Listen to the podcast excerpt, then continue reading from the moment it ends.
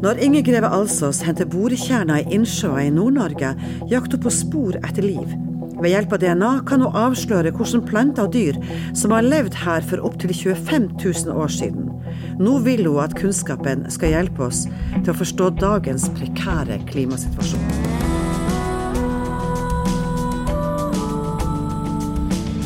Observatoriet. En forskningspodkast fra UiT Norges arktiske universitet med Geir Hevnskjell Ringvold, mannen som lurer på det meste, og Marit Anne Hauan, som bokstavelig talt lever av fortellinger. Og en ny, spennende forsker hver uke.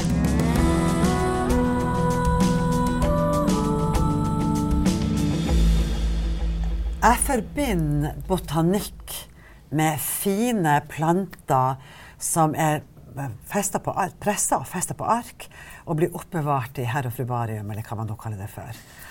Vi har Geir på besøk en botaniker, professor i botanikk ved Tromsø museum, UiT, Norges arktiske universitet, som heter Inger Greve Alsås, som jeg ikke i det hele tatt forbinder med som blomsterplukkeren. Nei. Fordi eh, vi har jo researcha litt i, i, forkant her, og eh, jeg kjenner meg egentlig ikke igjen i det jeg tenkte, det jeg la i botanikk, som er liksom hagestell. Det her er snakk om historie. Det er hvordan eh, Nord-Norge og landet for øvrig ble forma som det ble. Utrolig spennende eh, greier, så jeg kan ikke vente med å komme i gang. Nei, og det, Vi snakker minst om 25 000 års historie. Eh, vi må altså si velkommen, Inger. Tusen takk. ja. Og så kan vi jo legge til at uh, for de som er interessert i sånne juicy detaljer, at Inger er en av de seks som leder Toppforsk-prosjektet ved Universitetet i Tromsø. Og Toppforsk er allerede et stempel på at dette er viktig forskning.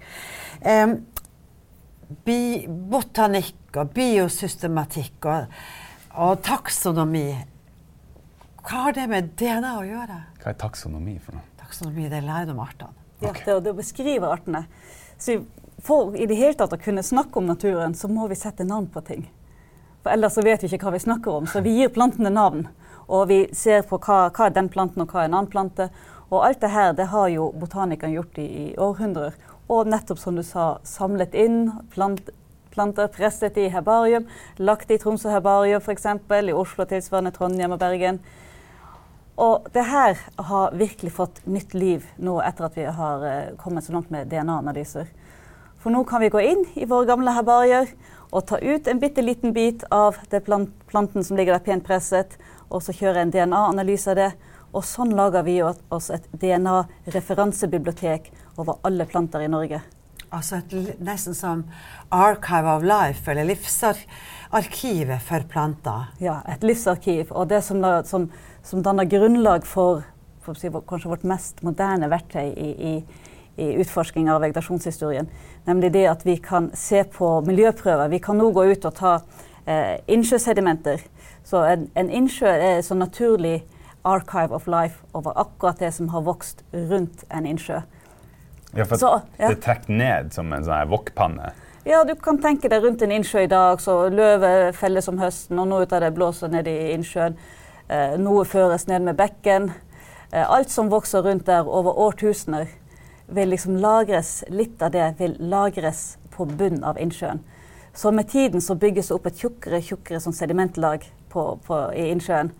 Og det kan vi gå ut. Vi går gjerne til dypeste punktet på innsjøen, samler lengst mulig kjerner kanskje tre til fem meter, kanskje ti meter hvis man er på en større innsjø. Og så kan man datere de forskjellige lagene og så kan man kjøre en DNA-analyse. Og den DNA-analysen gir bare masse små DNA-fragmenter som i seg sjøl ikke sier noen ting. Altså, du har gått, da, ja, du har gått fra å plukke blomstene til å bore Altså sette ned bor, bor for å få kjernen i boret ja. med deg hjem. Ja, så jeg har med meg det her naturens arkiv over hva som har vokst på akkurat denne plassen over de siste 10-15, kanskje 25 000 år. Og så tar jeg det med meg inn i DNA-laben og så gjør en DNA-analyse og får ut ørsmå DNA-fragmenter. Rett og slett en, en, altså en DNA-kode som jeg da kan matche mot det referansebiblioteket vi har lagd basert på herbariet. Men hvor, hvor dypt går dere? Altså, hvor, hvor, hvor lang kan en sånn kjerne være? Vi, vi går langt, så langt som vi klarer. Så i, eh, jeg tror de fleste plassene så, så er det kanskje en, en, en opptil fem-seks meter. Ikke, stort sett ikke noe mer enn det. Det kan godt være 10 000 år i bare to meter. Men jeg, jeg tenker eh, Vi kommer sikkert litt sånn tilbake til eh, hva som i utgangspunktet fikk deg interessert i det her. Men Ja. det må jo ha vært liksom, lukten av blomster og, og eh, fine farger og, og sånt. Eh, tenker nå jeg da, når man, Ja. når man begynner med botanikk. Mens her er det eh, rett og slett bare en, eh, en knallhard jordprøve. Så du må plukke ut sånne små frag fragmenter. Det er ikke sånn at du ser hvordan plantene så ut for eh, 20 000 år siden. Nei, jeg ser, jeg, ser, jeg ser ikke. Når jeg går i kjernen min, så ser jeg ikke. Men eh, jeg kan matche den, og så finner jeg f.eks. Kanskje var det reinrose, eh, kanskje var det en annen plante som vokste akkurat der for 10 000 år siden, og så kom kanskje bjørkeskogen inn for 8000 år siden. Så, sånn kan jeg liksom se på hvordan vegetasjonen har endret seg eh, gjennom tidene. Og det er dette dere gjør i EKG-en, som er navnet på Toppfoss-prosjektet. Det er en av de tingene dere gjør. Ja, det, det vi prøver på i Ekogen, det er å rekonstruere vegetasjon eh, over hele denne perioden. Fordi eh, det meste av informasjonen vi har om endring i naturen, det er basert på, på kortvarige overvåkningsstudier. Sånn vi begynte med, med vegetasjonsovervåkning kanskje 10-20 eh, år siden, kanskje 30 år siden noen få plasser. Og det er liksom de datarekkene vi har. Og så, så vet vi at ok, fem, fem kalde somre gjorde det og det med vegetasjon. eh, høyere beitepress gjorde det og det. Men vi har sett det bare over noen få år. Vi vet ikke langtidsendringene. Hvor, hvor langt tilbake kan dere gå med sånne borekjernemetodikk? Vi har, eh, vi har to plasser hvor vi har eh, kjerner som går over 25 000 år. Så det er Andøya i, i- Nordland, som var det eneste området som ikke var nediset i Norge under siste istid. Så isen dekte hele Norge, Sverige, Finland og, og sannsynligvis mesteparten av Kola. Gikk ned til, til England. Men akkurat nordspissen av Andøya, der er kontinentalsokkelen så bratt at det gikk bare rett ned. Eh, Så der var det isfrie områder. Så det er siste 26 000 år siden. Hvordan vet det. dere det? Fordi vi har eh, C14-dateringer som går så langt tilbake i tid. Og vi har en kontinuerlig eh, kjerne og planter gjennom hele den perioden. Har du gjort noen Ikke sant? Det er, liksom, det er jo juicy. Det er også veldig spennende at det faktisk ikke var is på spissen av Andøya. Visste Jo, du det? eh, Ja, men jeg tenkte at er det én plass som er isfri eh, i Norden, eh, og når ingen andre er, så må det jo være liksom ned med Kristiansand og der. Det tenkte jeg var mest logisk at det er den sørligste som er nærmest varme delen av jorda. Men Ja, nei, det er, det lokale forhold. Det er berggrunn, rett og slett. Formasjon av fjell og fjorder som gjør, og spesielt denne bratte kontinentalsokkelen der, som, som gjør at akkurat der så rant bre armene bare rett ut i sjøen. Men hva var der? Altså, hva dere har avslørt for 26 000 år siden? Hva, hva finner dere levde på den spissen? Altså De aller eldste lagene så finner vi eh, sånn fjellvalmue eksempel, som man finner høyt på Dovrefjell og på Svalbard. Fjellvalmuen ser man jo overalt på Svalbard i dag. Hvor det er også mange lokale arter. Så det er litt spesielle, eh, interessant, eh, altså interessante arter. Den finner vi helt fra starten. Vi finner forskjellige sorter gress, vi finner noen urter, men som vi ikke har, alle har vi ikke bestemt eh, til art. Men så finner vi i, noen perioder også så finner vi DNA av furu og gran. Og det er veldig sånn uventet på Andøya på Andøya. Og det, eh, det var ikke det vi hadde ventet å finne der, for å si det sånn. Det er jo en sånn eh, frase jeg vokste opp med. Nord for Rana vokser ikke grana. Naturlig. Ja, men vi, vi snakker nå om, om, om kanskje rester etter forrige varmeperiode, for det har jo vært varmt før. Og det er jo det som er interessant. Det har jo vært varmeperioder, kuldeperioder. Og med å studere de her periodene, så får man en sånn eh, indikasjon på hva, hva skjer nå når det blir varmere. For, det Ok, har- for det- da er vi tilbake Da er vi på, på er- Vi har litt sånn usikre dateringer. Sånn, sånn det, det er begrenset antall med funn som går så langt tilbake i tida. Så vi korrelerer flere kjerner og sånt, og vi ser at det er ganske stor sammenheng i de undersøkelsene som er gjort der. Både tidligere studier av pollen og, og, og makrofossiler, altså sånn frø og sånt som vi har funnet der. At det er noen perioder som helt klart var varmere enn andre. Vi vet også at det var åpent hav der. Og åp vi vet at det var en alke, øh, alkekongekoloni der. Vi har funnet masse bein. eh, for rundt 18 000-20 000 år siden. Oi. Ja. Vi har funnet både, både DNA av det, og, og, mine kollegaer har funnet bein av arkekonge. Så vi vet at det var åpen sjø. Vi vet at fugler i dag bringer masse næring inn på land. Altså Sjøfuglene bringer masse næring inn på land. På Svalbard f.eks. De frodigste grønne liene du, du, finner på Svalbard, det er jo under fuglefjellene. Og, og eh, altså Lav temperatur i seg sjøl er ikke det største problemet for plantene. Lav temperatur eh, sakker ned alle sånne næringssykluser, sånn at det blir lite næring tilgjengelig for plantene. Og det å ha en, en sånn næringskilde som de her fuglene har brakt med seg masse guano inn, eh, det, gir, det kan kompensere for lav temperatur.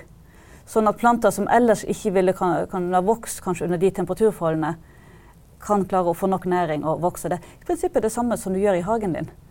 Gjødsle. Ja, med å gjødsle, ja. Sant? Da får du masse flotte, mer sørlige arter eh, til å vokse i hagen. Så hvis du slutter å gjødsle og slutter å, å luke bort konkurrentene, så dør de. Men så lenge de får den lokale gjødselen, så klarer de seg. Men du har altså fem-seks meter borekjerne. Så tar du ja.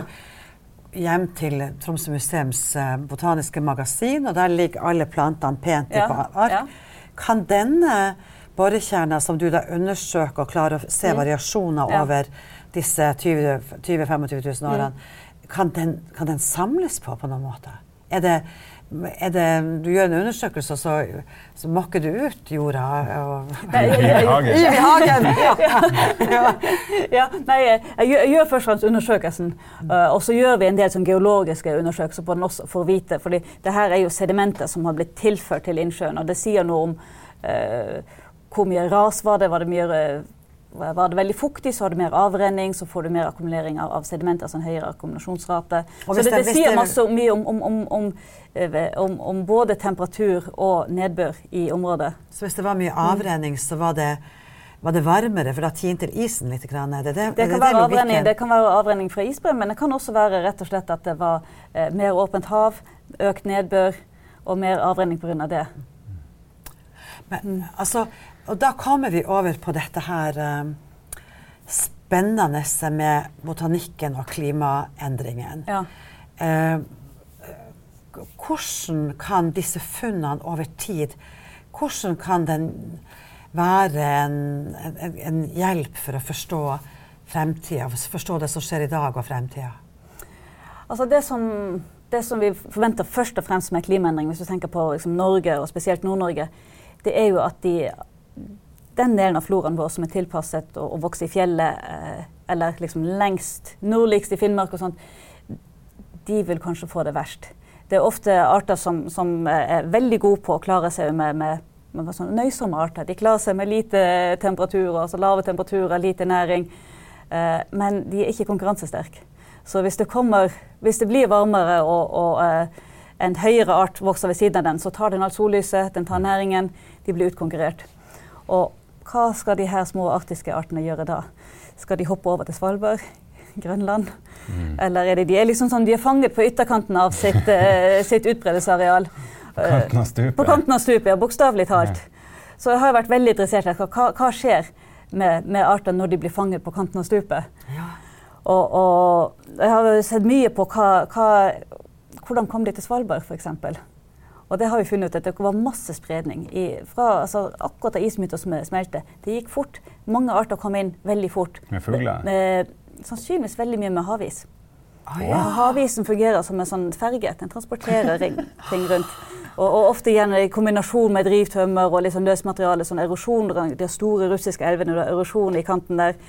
Og det her det kommer opp og havner opp i, i, i, i driftis, og så, så tar det bare noen få år liksom, å komme rundt Svalbard og ned på norskekysten f.eks. Vi ser jo drivtømmer her i dag som kommer fra russiske elvene, så vi vet at dette er transportrute. Så det, det, har nok vært viktig i fortida. Men med å se på akkurat de periodene, hva skjedde akkurat under den eh, holocene oppvarmingen, altså rundt eh, 10 000-11 000 år siden, da, da vi hadde en, en, veldig rask varming. Hva skjedde da med de arktiske artene som sannsynligvis Vi håper virkelig at vi finner noen i, i de borekjernene vi har fra Nord-Norge i dag. Eh, forsvant de alle sammen fra, fra floraen da? Eller er noen av de fortsatt? Kan vi f.eks. i bunnen av våre kjerner, det som representerer den kuldeperioden sånn rett etter siste istid, kan vi der finne noen arter som vi har på Svalbard i dag eller på Grønland, men som ikke finnes i Norge i dag? Hvis det er det, så tyder det jo på at, at arter dør ut.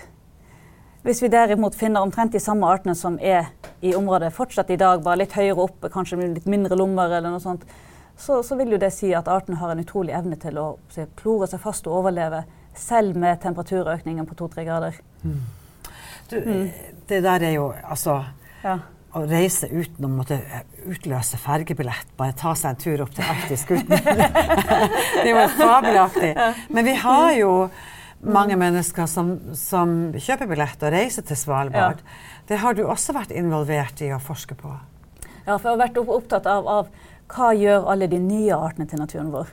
Vi vet f.eks. at vi har, vi har noen arter eh, i, i nordlige Canada som vi vet at vikingene tok med seg, og de fortsatt er etter 1000 år. Hva vil skje med alle de plantene som nå kommer inn her? Alt som, som, som løper løpsk og ut av hagene våre. Alt det vi har med oss. Eh, Jeg hadde en student som satt på flyplassen oppe på, på Svalbard. Og passasjerene som kom inn, de, de fikk tilbud om gratis skorens. og han skrapte da av eh, skit og sånt fra, fra såla, og inni der så er det en del frø. Inni skolissene, innimellom skolisser og borrelås og sånt var det masse frø. Opptil 100 frø eller mer på ett par sko. Og vi prøvde å spire det her ved dagens eh, svalbardtemperatur. Vi gjorde det selvfølgelig ikke ute, vi gjorde det inne i, i, i et klimalaboratorium. Og en fjerdedel av de spirte. Og så kan man tenke at frø kan jo godt leve i jorda i, i tiår, kanskje 100 år. Og da er det varmere, og da kan alt det her spire. Det er så enkelt å bare vaske skoene før du reiser i dag. Og så, og så unngå å få alle de frøene transportert opp til så sårbare områder.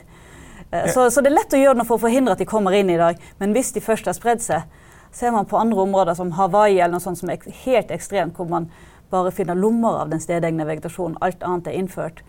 Det, Ja, for det der ja. kjenner ikke jeg, jeg til. Du snakker om det som er- det er en selvfølge. Men eh, du må forklare også litt hva som er problemet med det. Altså, ja, ja, er, er det ikke liksom naturlig seleksjon, da?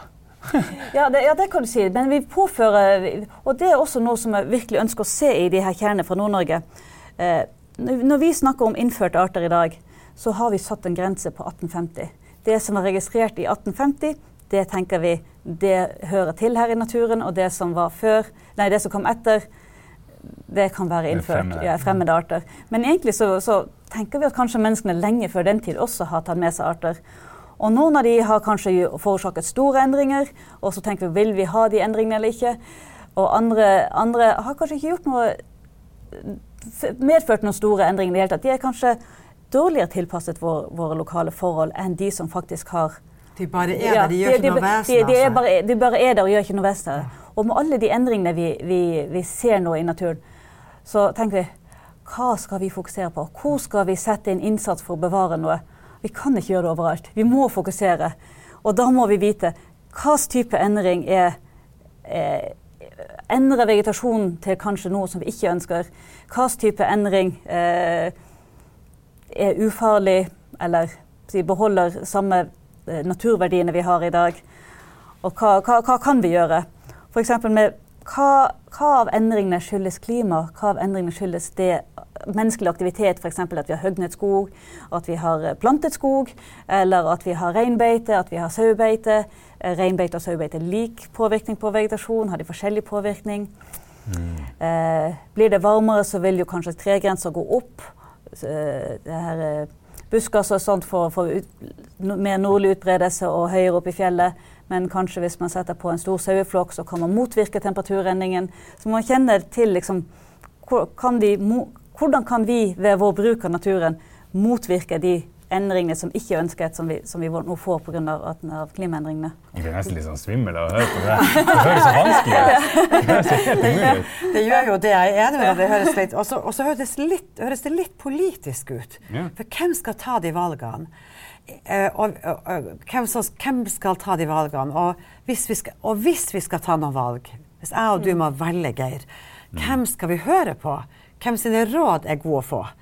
Så da er det liksom tilbake til den der borekjerna, eller alle de borekjernene dine. For der regner jeg med at, at når dere har eh, kommer i dybden på analysen, så vil dere kanskje gi noen pekepinner på uh, hva Hvis du har hatt uh, valmuen fra 26 000 år siden, så er jo det å sikre valmuens overlevelse for meg en hjertesak, nesten. Ja. Ja. Men, Og det vil kanskje være sånn med de andre. Ja. Dere vil kunne se hva er det som har mm, slappa helt av og blitt nesten borte under frost eller under varme, antar jeg. ja. Og det, da er det DNA. Da er det DNA vi bruker for å at vi, vi må rett og slett lære mer om hvilke endringer skjer over tid. F.eks. bjørkemålerangrep. Store, altså veldig synlig et bjørkemålerangrep. Men ti Bjørke? bjørkemålerangrep når du får hele, altså alt, eh, alt løvet på Løvmarken. Ja. ja. Løvmakken. Når den har spist opp et stort område, Ja. så alle, alle ser at der skjer det noen ting. Men kanskje 50 år etter, har systemet gått tilbake til det det var? Er det noe vi, ja, eller, eller er det faktisk noe som vi må være obs på? Uten kunnskap så kan vi ikke ta noe valg. Så det, det, det, det, det er vår jobb. Det å frembringe den kunnskap som sier noe om konsekvenser av de valgene vi, vi tar. Men for dem som sitter og lurer på om akkurat det eksempelet der, Ja. er det noe vi har påført naturen uh, gjennom uh, global oppvarming eller innført uh, fremmed, eh, fremmede arter, eller er det bare noe som skjer? For, for å finne svaret på det, så må vi gå inn i kjernevaren og ikke bare se på DNA til planter, men også se på DNA til laumak. Og så se om det er noen korrelasjon. Når du får, hvis vi da klarer å finne laumak-DNA, og ser at det samtidig er en endring i, i, i hvilke planter vi finner, da vet vi at den forårsaker en, en endring.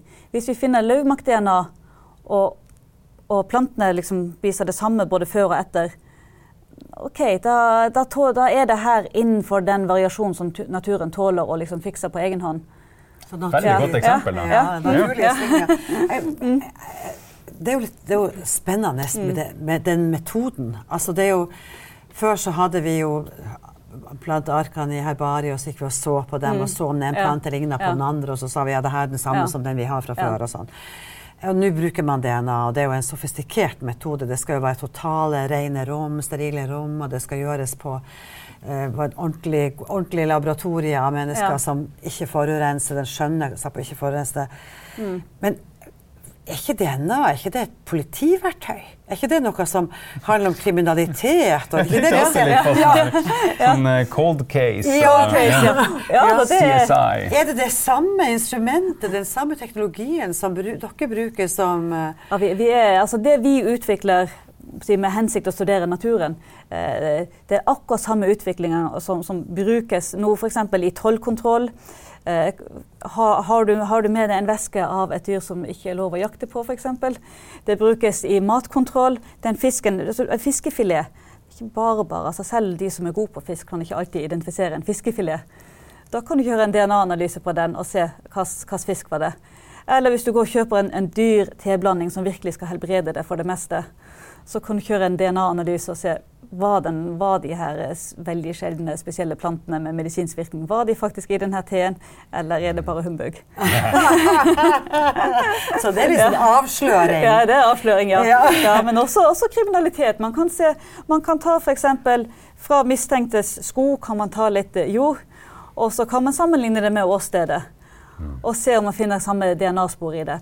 det. Akkurat når det gjelder at det skal liksom være gyldig som bevis i rettssak, så er det litt sånn Det vi gjør på, på metodeutviklingssida, det kommer til å liksom ha helt konkrete konsekvenser for hva man kan gjøre, i rettssalen i, i fremtida. Foreløpig så er vi som du sier, vi har forurensning, vi går vi dresser, altså vi, vi har på oss hvite, hvite drakter. Vi ser ut som vi skal inn på operasjonsstua når vi går inn på DNA-laben. tenker på hva vi har spist til frokost, for har munnbind foran, men tenker liksom, hva, kan det komme noe fra oss og sånt.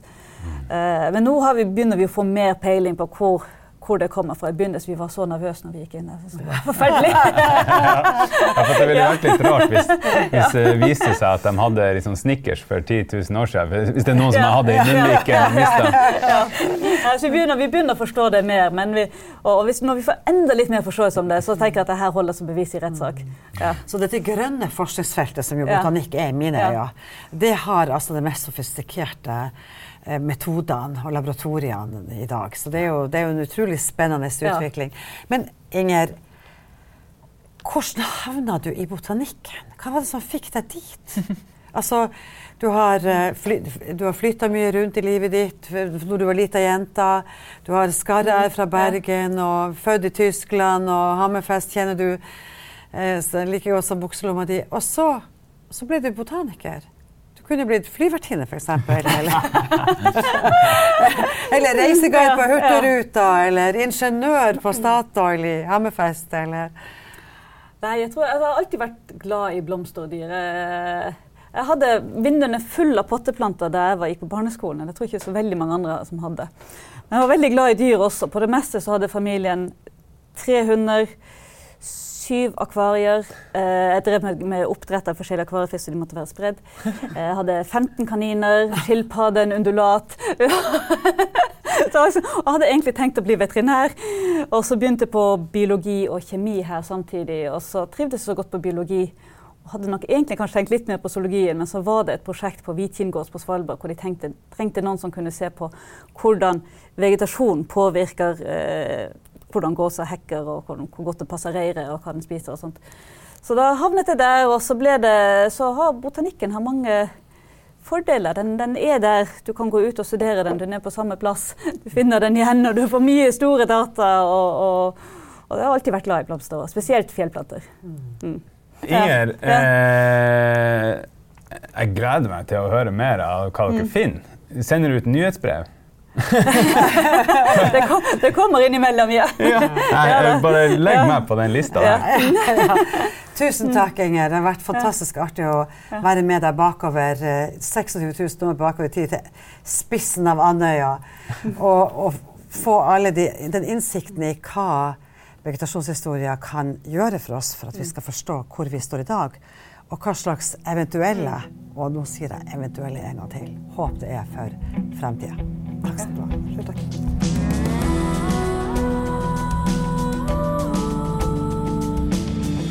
Vil du vite mer om f.eks. hva som levde på den lille tuppen av Andøya som var isfri under forrige istid?